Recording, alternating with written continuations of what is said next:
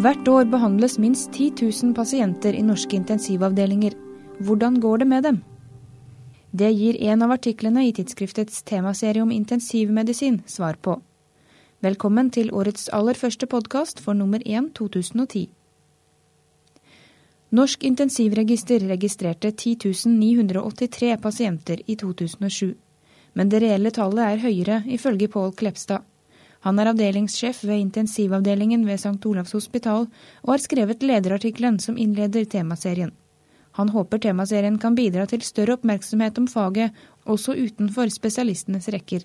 Det som vi jo prøver å få fram fordi at uh, intensivavdelingene er en si, lukka enhet på sykehuset uh, på mange måter, uh, er hva som foregår i det daglige virket på intensivavdelinger.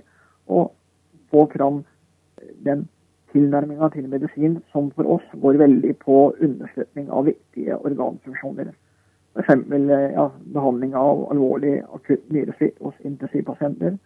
Behandling av lungesvikt. Behandling av blodforgiftning. Behandling av hodeskader osv. Hva skiller intensivmedisin fra andre medisinske fagfelter?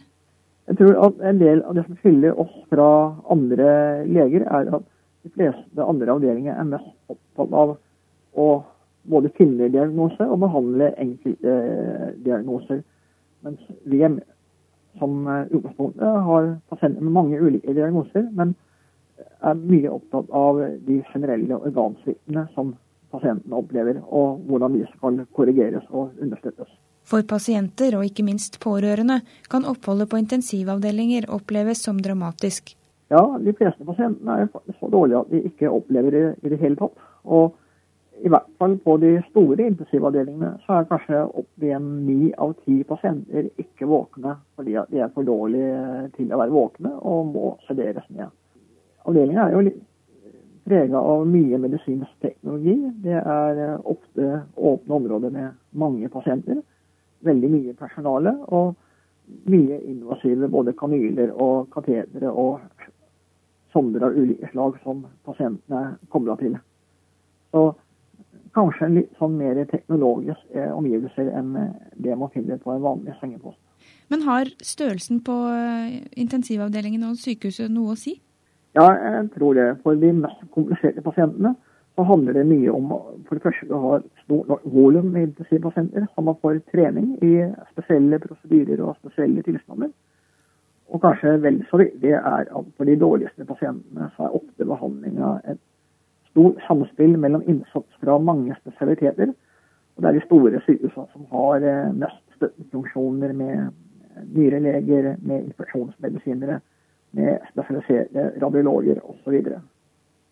Og Sånn sett så mener du den modellen som brukes i Norge er den beste. Kan du si litt om det? Jeg mener det er en god modell, fordi at eh, da har man de pasientene som kan behandles på lokale sykehus, er på lokale sykehus. Da slipper man unødige transporter. Og Samtidig må man behandle de helt spesielle pasientene på noen mindre sykehus. For så er jeg helt enig i at noen enkle og sjeldne tilstander er sentralisert på ett sykehus. F.eks. alvorlige brannskader på Haukelandet. Det er ikke flere pasienter enn at det er fornuftig å samle det på ett sted som, som har muligheten til å bli gode i det.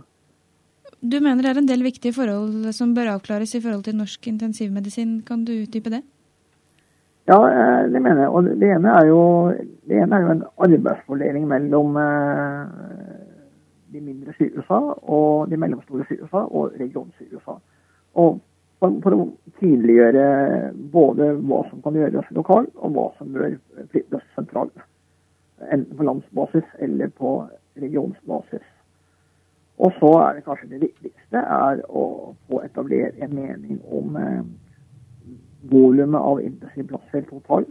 Eh, de fleste sykehus strever feil med at man har for lite plasser, og må eh, på en daglig basis foreta en ganske hard prioritering av hvem pasienter som får plass på intensiv.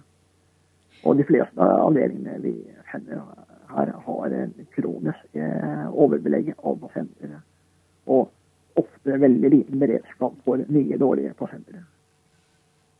I dette nummeret kan du lese de fire første artiklene i temaserien. Takk for at du hørte på tidsskriftets podkast.